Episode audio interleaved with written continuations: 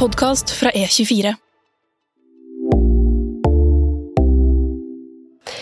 Velkommen til Voksenpoeng med meg, Nora Rydne, journalist i E24. Og velkommen til siste episode før jul. Vi skal gjennom siste investeringstips på blokka her. Fond for deg som vil ha risikable og kanskje litt mer spennende fond til jul. Med meg til å snakke om det har jeg eks-sjefsøkonom, nå selvstendig investor Peter Hermanrud. Velkommen. Takk for det.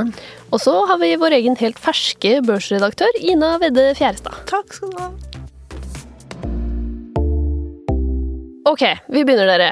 Eh, som vi starter alle episoder, hvem passer risikable fond for? Det passer for de som har mye penger å tape. Ja. Det passer i og for seg alt annet like bedre for unge som på en måte, om det skulle gå galt, har lettere for å tjene inn igjen pengene, enn eldre som er nærmere pensjonsalderen, hvor du risikerer at hvis du mister pengene, så har du ikke noen måte å tjene det inn igjen på. Eh, og så selvfølgelig, de passer igjen, sant for å være litt stereotypisk, sannsynligvis passer det bedre for menn enn kvinner. altså I den grad jeg tipper at det er flere menn som har lyst til å kjøpe de. Eh, og de passer selvfølgelig generelt da for den risikovillige. Sant? Altså den som er opptatt av fart og spenning. Nettopp. Tenker liksom det er for mer den, enn trygghet. Ja, den, den, du, du må jo være langsiktig investor, men Ja. som vil ha det litt moro på veien. Ja. ja. Som tåler, som har mage til å tåle litt mer svingninger opp og ned. Mm. Ja. Men som du sier også, må jo, du må jo kunne tape alt. ja. Så det er ikke de risikable fondene du gir til besteforeldrene i julegave.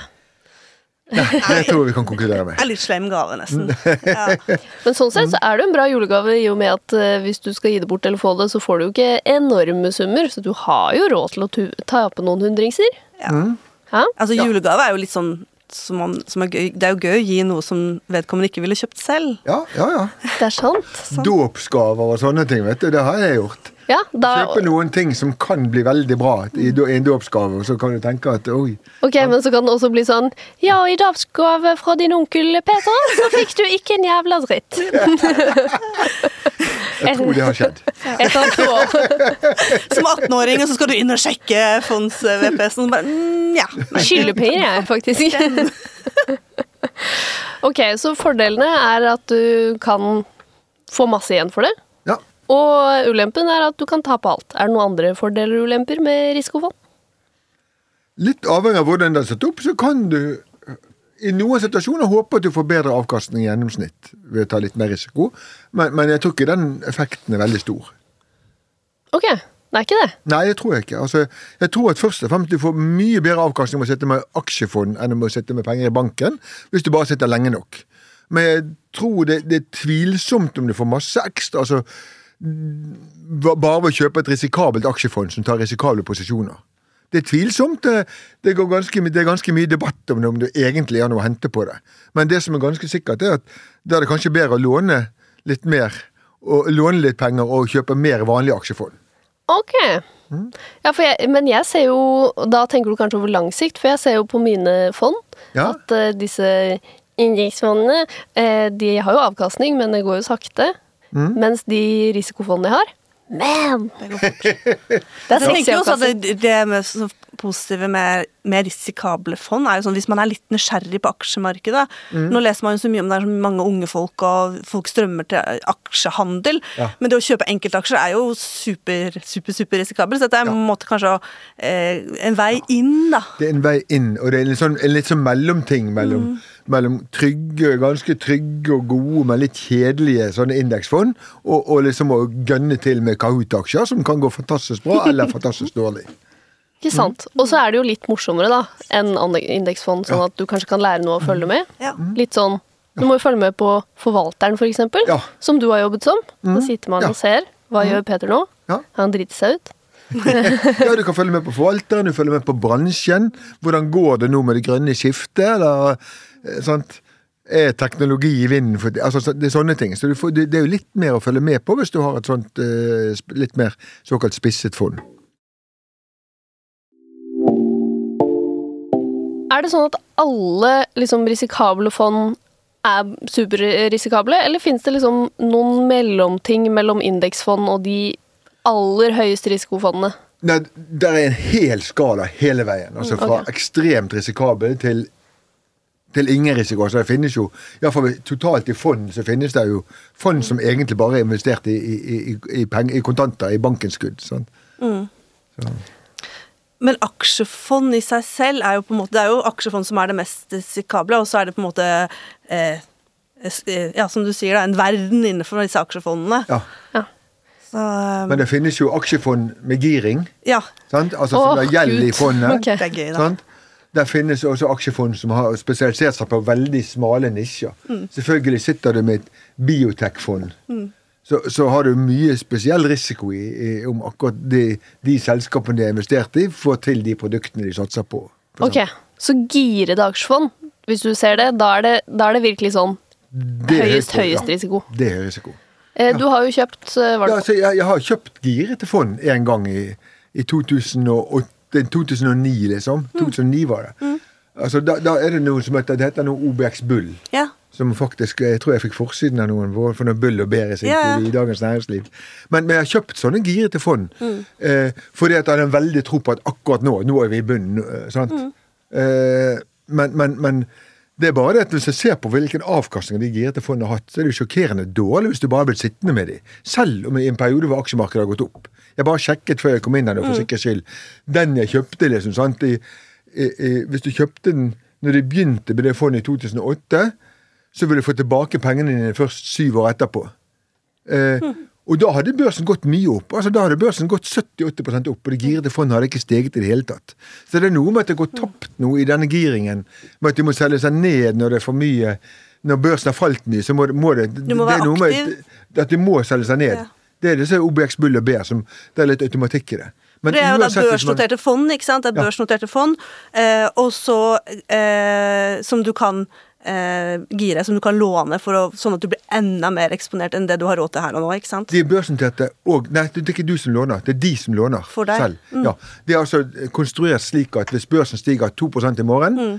så stiger fondet 4% Fordi de har lånt penger inn i fondet for å kunne ha mer aksjer, og så har de gjeld. Men Kan man da- sitte på det en uke? Kan man kjøpe en mandag, og så tenker Ja, man og neste uke vil børsen gå til himmels, Ja. så jeg kjøper det fondet på mandag, Ja. og så styr, kan man selge på fredag? Japp. For det er vel det Hvis som jeg er er sikker på at børsen stiger i morgen, så kaster jeg meg inn i en sånn. For det er vel fordelen med aksje, nei, børsnoterte fond, at du kan faktisk selge dem på kjent kurs. Ja. Og det kan du ikke på vanlige fond. Nei, Right. ikke sant? Mm, for det handles hele tiden. Og samme, du, det var jo eh, det var jo bull, og så har du jo bear også, hvis du tror det skal falle. ja. Da blir det motsatt vei. ja. Hva er det? Er det. Det er liksom um... Det er børsnoterte fond som er da eksponert mot f.eks. da OBX-indeksen, alle største selskapene på Oslo Børs. Hvis du tror at den indeksen vil falle neste uke, eh, så kan du kjøpe OBX eh, Bear eh, og være eksponert f.eks. en ukes tid mot ja. fall i hele den eh, Betyr det at de shorter? At det er et shortet fond? ja. Ok. Ja, da er vi inne på risiko. Nå snakker vi. Ja oh my god. Sant? Men de shorter markedet, liksom. sant? Altså, om, de, gjør det med, ja, Det er litt teknisk, da, men om det er futures eller opsjoner og sånn, det husker jeg ikke lenger. Jeg tror det er futures, faktisk. Ja, det er futures. Eh, men det er jo veldig teknisk. Men, men ideen er bare det at, at hvis, hvis jeg vet at nå faller børsen 4% de neste to dagene, så kan jeg kjøpe OBXB, og så får jeg ca. 8% avkastning. Ikke sant. Men kan, man, kan vel også gjøre det, kan man, man kan vel også gjøre det på sånn underliggende råvarepriser, sånn gullprisen eksempel. Ja. Hvis man har trodd at det, så kan man kjøpe en, eh, en, en da, bear, nei, bull, bull eh, ETF, bull eh, på gullprisen, da. Ja. Og så kan man tjene masse penger på oppgang i gullprisen. Gjennom fond. Ok, så hvis du skal virkelig Hvis du skal gi en gave, eller ønske deg en gave eh, der du eh, virkelig skal følge med, der du liksom basically må daytrade fond, da er det girede fond eller eh, Girede børsnoterte fond. Ja. Eller, eller bull... Nei, bear fond. Ja, altså shortede eh, fond. Men da er det sånn, altså, dette skal du ikke Dette er jo mer som en sånn moro når det skjer. Du skal ikke gi det oppgave. Altså hvis du, jeg husker For veldig lenge så var det sånn at du kunne kjøpe eh, både bær og Bull da, for å være på den sikre siden. Ja. Ja. Så kjøpte du både bær og Bull. De, de sto opprinnelig i 100, og på et tidspunkt så sto den ene i 50 og den andre i 30. Så det går er jo tapt så veldig mye Det går tapt så mye i at de skal faktisk kjøpe og selge og kjøpe og selge og låne og betale renter på det, at, at pengene blir borte over tid.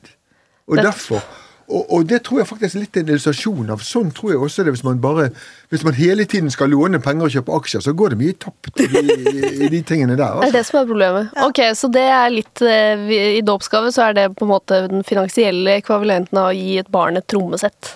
Ja Det er foreldre som plutselig må Oi, det, nå er det opp. Det er mye styr. Ja. Ja.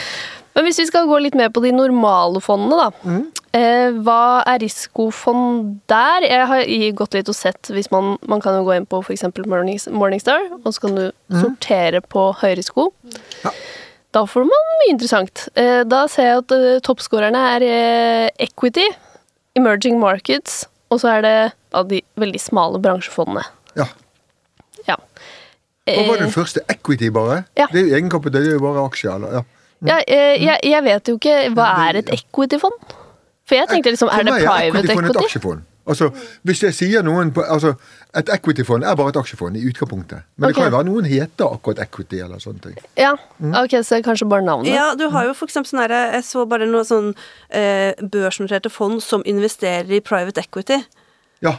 Ja, jeg lurer på om det kanskje er det, mm. altså. for jeg så, sånn som, Det var et fond som het Carnegie Listed Private Equity. Og deres største andel var i Blackstone, det amerikanske største P-selskapet, eh, ja, fondet. Um, og en annen sånn stor, kjempestor amerikansk PE-aktør, da. Men hvorfor er det så mye risiko der? Det er vel fordi de kan for De er kjøper opp selskaper, og de kan drite seg ut. Ja.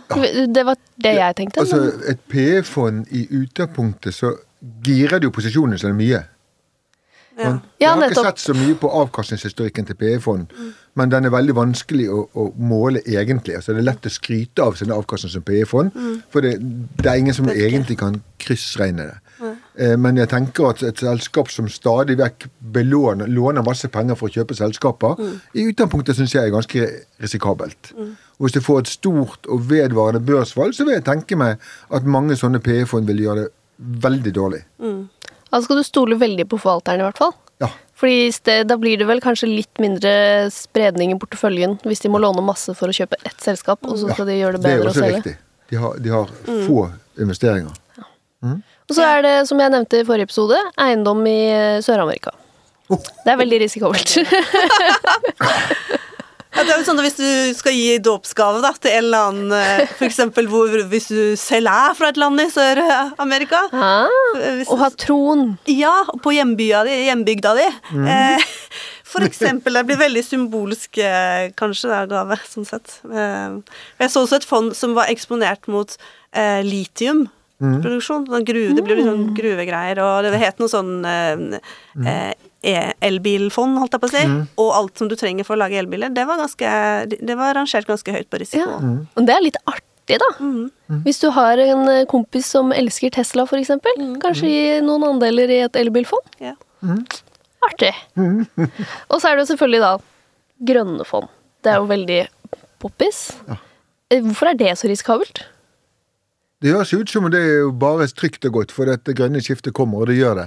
Eh, eh, eh, men det viser at når det har kommet sånne store Hvis du ser på de store omveltningene i samfunnet, så har det ofte vært sånn at å investere for de store omveltningene er først kjempebra, og så er det katastrofe etterpå.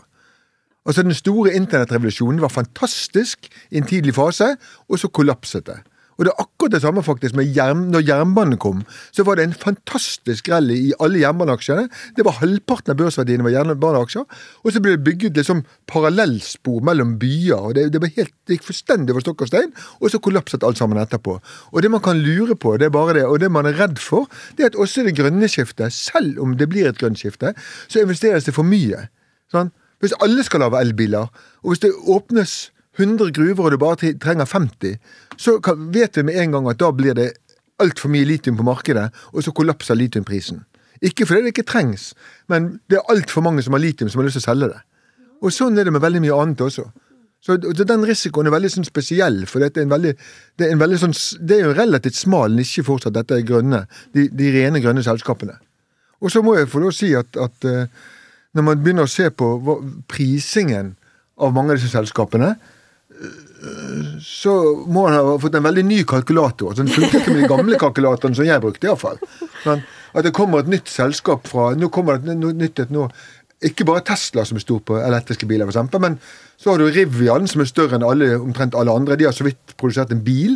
Og nå kommer et vietnamesisk selskap og sier de skal lage noen elbiler, og plutselig er det verdt mer enn BMW. Det er ikke noe rimelighet i det.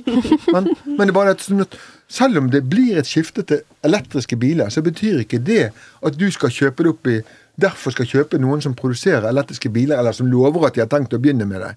Uansett hvilken pris du betaler. Men kan man ikke si at hvis man da kjøper et fond som er eksponert mot elbiler, så da blir jo forvalteren av det fondet veldig viktig, da. Man må jo på en måte sikkert da også betale for at den forvalteren hele tiden følger med på den prisingen der. Men det hjelper ikke hvis det virkelig smeller. Altså Det hjelper ikke å sitte med en flink forvalter av internettaksjer i år 2000 til 2003, når det kollapset. For da falt jo selv Altså Selv Amazon, som i dag er et av verdens største selskaper, fantastisk vellykket, den falt vel 95% den også. Det var jo i og for seg ganske lite i forhold til veldig mange andre. Men hvis du mister 95% av pengene, så mister du ganske mye allikevel. Ja. Så hvis du skal ha f.eks. et grønt fond, så må du kanskje være forberedt på at man får en dipp på et eller annet punkt, og så må det bygge seg opp igjen. Ja. For det var jo det som skjedde med internettboblen, at det gikk helt Ja. ned, og så bygget det seg jo opp ja, igjen. Ja, men det gikk jo ti år før de begynte å bygges opp igjen. Da, så at de fleste var nok ute lenge før de fikk gleden av en, en opptur igjen. Ja. Så du må ha is i magen. Ja. Is i magen, altså. Og følge med veldig med på det du har investert i. Mm. Hvis, du er, eh, hvis du velger superrisikabelt, da. Ja. Sånn at du kan uh, Ja. komme deg ut i tide. Ikke sant? Litt sånn som aksjer, bare at det, Ja. bare du trenger ikke være så kjapp. Ja, men altså at de risikable aksjene Nei, de risikable aksjefondene har mer til felles med enkeltaksjer enn et indeksfond, Ja. på en måte. Ja, Ikke sant. absolutt. Avgifter, da, dere?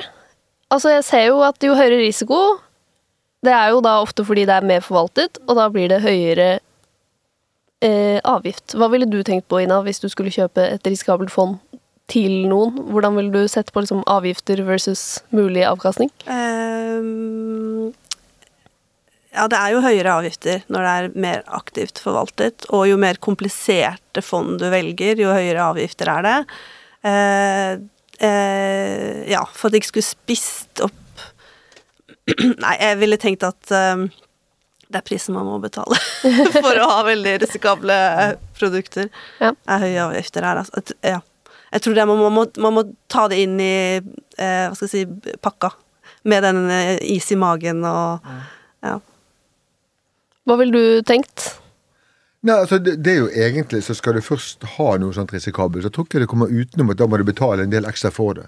Men det er kanskje også det som gjør at jeg tviler på at du får noe bedre avkastning. Altså, altså Vanligvis er man vant til å tenke i finans at, at du tar du mer risiko, så får du gjennomsnitt bedre avkastning. Men egentlig så tror jeg at de avgiftene Altså, du kan kjøpe deg en bredt spredt portefølje. Som en indeks er jo egentlig bare at du kjøper absolutt alt som finnes i verden. Eh, uten at det koster deg noe. Og så kan du spisse deg, og så koster det ganske mye. altså Det går noen prosenter, et par prosent kanskje, i, i, i fradrag. Og, og det er så mye at jeg tror at du mister denne potensielle gevinsten. Sånn. I gjennomsnitt så tror jeg bare at du får dårligere avkastning av mange spissede fond enn ved å på en måte bare kjøpe indeks. Okay. Det fins jo noen litt sånn smale fond som ikke har så høye avgifter. Man kan jo gå for det i sånn bransjefond og emerging markets og Og så snakker jeg veldig generelt, altså i gjennomsnitt i lange perioder. Og så Ja. Kan man allikevel treffe fantastisk godt på det man kjøper. Man skal jo sitte i flere år. Det er jo, man skal jo helst ha god horisont også på de risikable fondene. Ja, Men der er det kanskje litt større grad at eh, den du gir det til, eller hvis du ønsker deg det selv, at da må du følge med. Ja. Og kanskje trade litt. Kanskje, ja. Hvis du virkelig er inne i ja, de der børshandlede fondene. Men dere, når vi er inne på børshandlede fond, hvordan er avgiftene på dem egentlig? Er det like høy avgift som vanlige forvaltede fond? Jeg vet ikke om noen av dere vet det? jo, for jeg, har- jeg, jeg har regnet på det ganske mye. Og jeg kom til at det, det er ganske mye. Altså de, de, de vi snakket om i sted, mm. er, de som har en liten giring i seg. For du må ta Så er det- og sånn. Det er, ja, men det er mange skjulte kostnader der. At du, sant? Det er ganske vanskelig å finne ut av, for de kjøper og selger disse futurene, og så handler det kanskje med med banken som står bak fondet, og så tjener banken penger på det hele tiden. Litt grann. Så det lekker nok ut mer kostnader enn man tenker på når man, når man kjøper de Så der bør liksom fondet gå virkelig den veien du tror det skal, for at, det skal, Ja. for at man skal ta sjansen. Ja. Så Ja. det ikke blir spist opp av avgifter. Mhm. Interessant. Ok. Mye å følge med på. Ja, hvis man vil. Det er jo det som er litt gøy. At man kan velge ja, som som smale bransjefond, eller man kan velge børshandlede ETF-er. Cool. Hvis eh, du skulle fått et fond til jul, eh, Ina, hvis jeg sitter og pønsker på hva jeg skal gi deg i julegave, hva vil du ønske deg da? Eh, gira NTF? Vent, da. Var det NTF det het? Ja, ETF og ETF. ETF. Altså, når, når, når vi har snakket om det, så blir man jo kjempeinteressert i å bare gå rett tilbake på pulten og kjøpe noe eh, børshandlede fond. Men, eh, men sant, det, det krever jo at man følger med, og da vet jeg at ja, jeg kan være kjempeinteressert i det nå, og, og så merker jeg liksom det bare Ja, livet tar meg i løpet av noen eh, dager, så da har jeg ikke tid til å følge det opp så veldig. Men jeg ville kan, hvis jeg skulle ønsket meg et fond som var litt mer risikabelt, så hadde det vært et sånn smalt eh, bransjefond, ass. Eh, og hvilken bransje kunne det vært? Eh, litt usikker her, altså. Eiendom i Latin-Amerika. Da skriver jeg denne. Mm, yes, legg det under treet. Eller elbilfond. Eller elbilfond. Eller det syns jeg så litt sånn stjerner i øynene når du snakket om det. Litium. Ja, Det var det litiumen som bare gikk rett inn. Nei, Litium så et eller annet kjempesmalt bransjefond. Men det er sånn, en eller annen sånn eh, Nei, jeg er usikker. En eller annen smal bransje. En eller annen sånn fremtid, noe teknologi. Sånn sær teknologi hadde vært kult. Ja. Av et eller annet slag. Hva med deg, Peter, hvis du skulle ønska deg et fond? Hvis jeg bare ville ha avkastning, så har jeg mistanke om at jeg ville kjøpt såkalt Vice-fond. Slemme, Oi, de som bare ja. kjøper de slemmeste aksjene. Det er artig. De det kan du jo kjøper fossilt, de kjøper kull og porno og gambling og alle de slemme tingene i verden. For nå er det blitt en altså, Ja, Det er faktisk sant? en grunn Ja, ja. på det. Sant? Avkastningsmessig så er det blitt en veldig sånn ny trend nå, med at folk tenker ikke lenger bare på avkastning. Men de sier at jeg vil ikke være med på det og det og det. Uansett så skal jeg ikke investere i det. Jeg skal ikke investere i gambling, liksom. Uansett. Men når veldig mange gjør det og sier at det skal ikke vi ha lenger, så blir det et veldig salgspress i de aksjene. Og, og dessverre, så lenge ikke noen regulerer det vekk, så vil folk fortsette å gamble. Og de selskapene tjener fortsatt like mye penger som før, men prisene er mye lavere. Utbyttet blir mye høyere. Når prisen faller, så blir utbyttet høyere, f.eks.